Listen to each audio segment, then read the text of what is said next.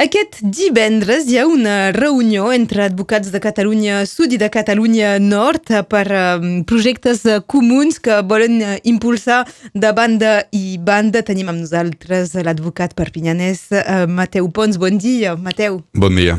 Aquesta, és regularment, eh, us aneu trobant per això, grups d'advocats de, de Catalunya Nord i Sud per intercanviar Sí, sí, sí, bastant, sovint. Són reunions de, de treball interessants en general? Sí, que fan sí. avançar, vull dir? Sí, que fan avançar. L'acte d'avui és una... Penso que és un acte que farà avançar molt el país i, uh, i, i bastant les relacions entre, entre els dos. També en relació amb la llengua, eh? És això, és això. S'ha de, de precisar. És, és en relació sempre amb la llengua l'ús o, o la, la normalització de l'ús del, del català um, perquè si, si a casa nostra ja, ja pot ser una, una qüestió um, com dir, complexa, uh, a Catalunya Sud tot és pas guanyat tampoc, eh? És això, és, que, és a dir que dins l'àmbit uh, de la justícia a Catalunya Sud l'ús del català és molt, molt, molt minoritari, és quasi simbòlic perquè tens depèn dels anys, però és entre 6 i 8% de les sentències que estan redactades en, en català, uh, mentre que cal saber que a la diferència de, de Catalunya Nord, en el qual uh, la llengua de, de la justícia és únicament i exclusivament el francès, a Catalunya Sud hi ha el que es diu els drets lingüístics, és a dir que cadascú, cada justiciable té el dret uh, de defensar-se o de fer els seus requeriments dins la llengua uh, que li dona la gana, evidentment, entre el català el castellà i uh, també uh, l'occità, perquè amb la Vall d'Aran hi, ha, hi ha un poc d'occità.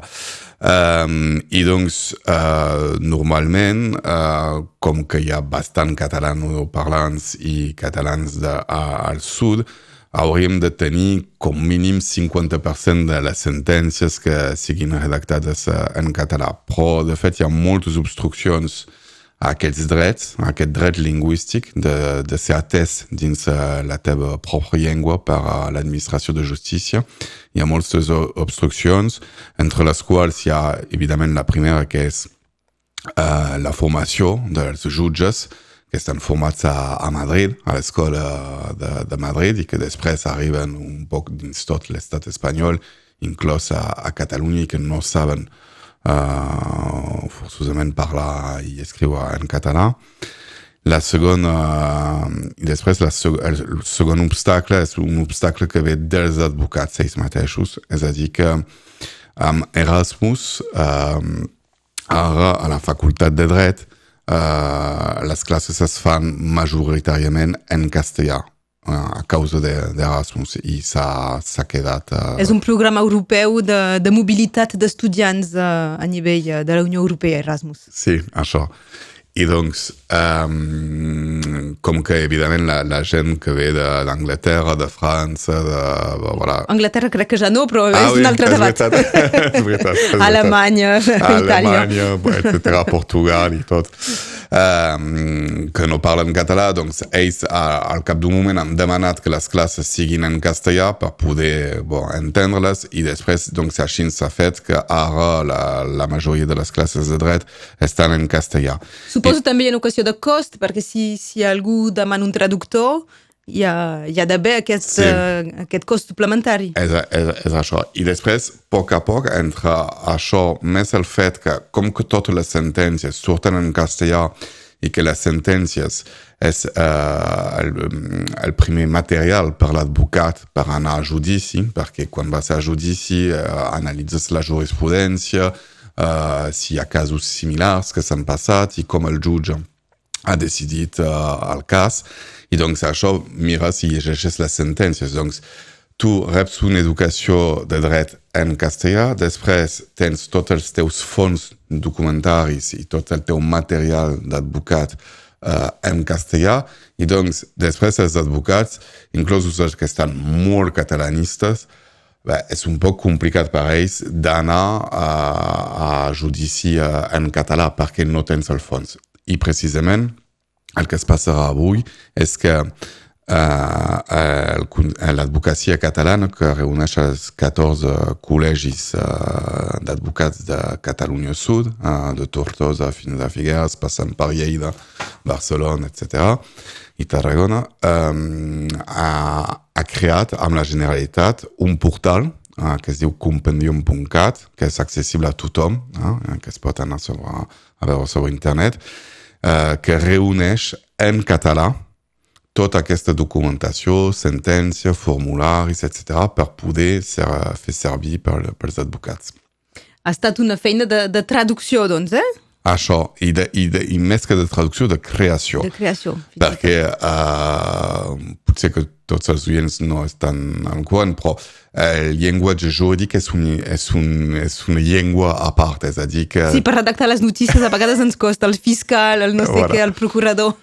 I, I és una llengua a part i doncs, de fet, eh, no, no hi ha, a vegades, hi ha, hi ha paraules que, que, que, que han hagut de ser creades uh, per, uh, uh, perquè no existien abans, que mai no havien estat uh, en català uh, i doncs han estat uh, creades i justament és la comissió a la qual uh, uh, jo represento el Col·legi d'Advocats de, de Perpinyà que s'encarrega de crear tots aquests mots, aquestes paraules uh, jurídiques uh, en català. I a vegades uh, s'agafa la, l'arrels castellana de la paraula per la fer en català i a vegades s'agafa un poc més francesa. Doncs vet aquí. Compendium.cat. Compendium.cat i doncs el Col·legi d'Advocats avui s'afirmarà, de Perpinyà afirmarà aquest, aquest conveni per desenvolupar el Compendium.cat i precisament nosaltres el que farem és que aportarem uh, contractes uh, bilingües, francès, uh, català, contractes de venda de mercandi, de, de productes, uh, contractes de distribució i formularis per les aduanes uh, per justament intentar mobilitzar tot això de costat de la frontera. Sí, eh, ens ho comentaves a, a l'inici, eh, Mateu Pons, eh, la, la llengua eh, la, a la justícia a l'estat francès ha de ser el, el francès, és una, és una norma, no, no hi ha aquesta possibilitat com a l'estat espanyol, però sí que hi pot haver, eh, com, com en el cas dels contractes, una segona llengua i això permetria redinamitzar també aquesta, aquesta feina eh, que avui en dia les empreses van a, a, a empleen empreses de, de de París o, o Montpellier per, eh, per fer i redactar aquests contractes. Sí, és això. És que uh, això permetria de, de fet que, um, perquè abans, no, per exemple, sobre les empreses de, de Sant Carles, que, que, que fan molt d'internacional i molt de, amb el sud, amb el port de Barcelona, abans uh, tenien com advocats advocats uh, de Perpinyà i amb el temps s'han anat a buscar advocats a Montpellier i, i més encara a París. I això per redactar els contractes uh, d'intercanvis. I dins el contracte cal saber que hi ha una clàusula, uh, que és generalment l'última clàusula, que diu que si alguna cosa es passa mal d'interpretació del contracte o de no execució del contracte, serà tal tribunal que serà competent per el judici. I, uh, i quan ets uh, un advocat parisenc, és normal, poses com tribunal competent el Tribunal de París. Mentre que si ets a Perpinyà, posaràs com tribunal competent el Tribunal de Perpinyà. És una pèrdua d'activitat. És una pèrdua d'activitat per, uh, per, per als advocats, però més que això és una pèrdua uh, d'activitat econòmica per al país, per, uh, Catalunya Nord, perquè, evidentment, són contractes econòmics amb, amb molts diners i quan uh, tot el que és uh, judicial escapa al nostre territori, bé, són d'altres que aprofiteixen d'això um, per als i per la col·laboració. Um, voilà, és millor que sigui a Perpinyà que a París o no sé on.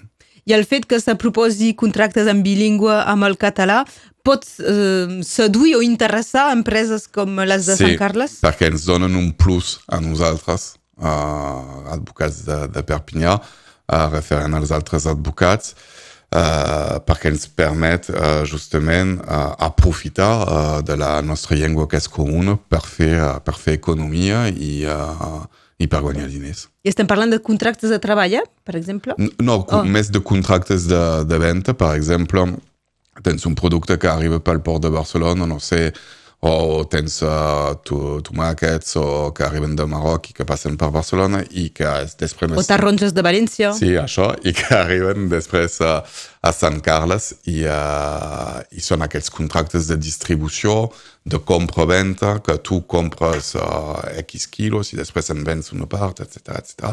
I doncs aquests contractes, si estaven redactats um, o també els contractes de, de, de societat que estan, que estan bé, és a dir que Uh, L'idea és si fas un contracte uh, però aquí de nivell francès per um, constituir una societat que, el fa, que l'ajuda de, del sud ho fem una traducció bilingüe francès-català ens permetrà també fer venir empreses uh, del sud quan volen tenir una sucursal a França de venir a Perpinyà perquè tindran un contracte en el qual podran entendre totalment uh, com es uh, constitueix uh, la societat. Si l'únic que busquen, entre cometes, és una seu uh, sí.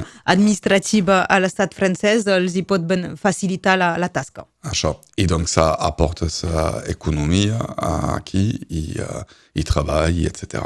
Aquest conveni s'assignarà aquest divendres mateix i avui en volíem parlar doncs, amb l'advocat Mateu Pons. Gràcies, Mateu. Gràcies, Laura. Que vagi molt bé. Adéu, bon a dia. També. Adéu.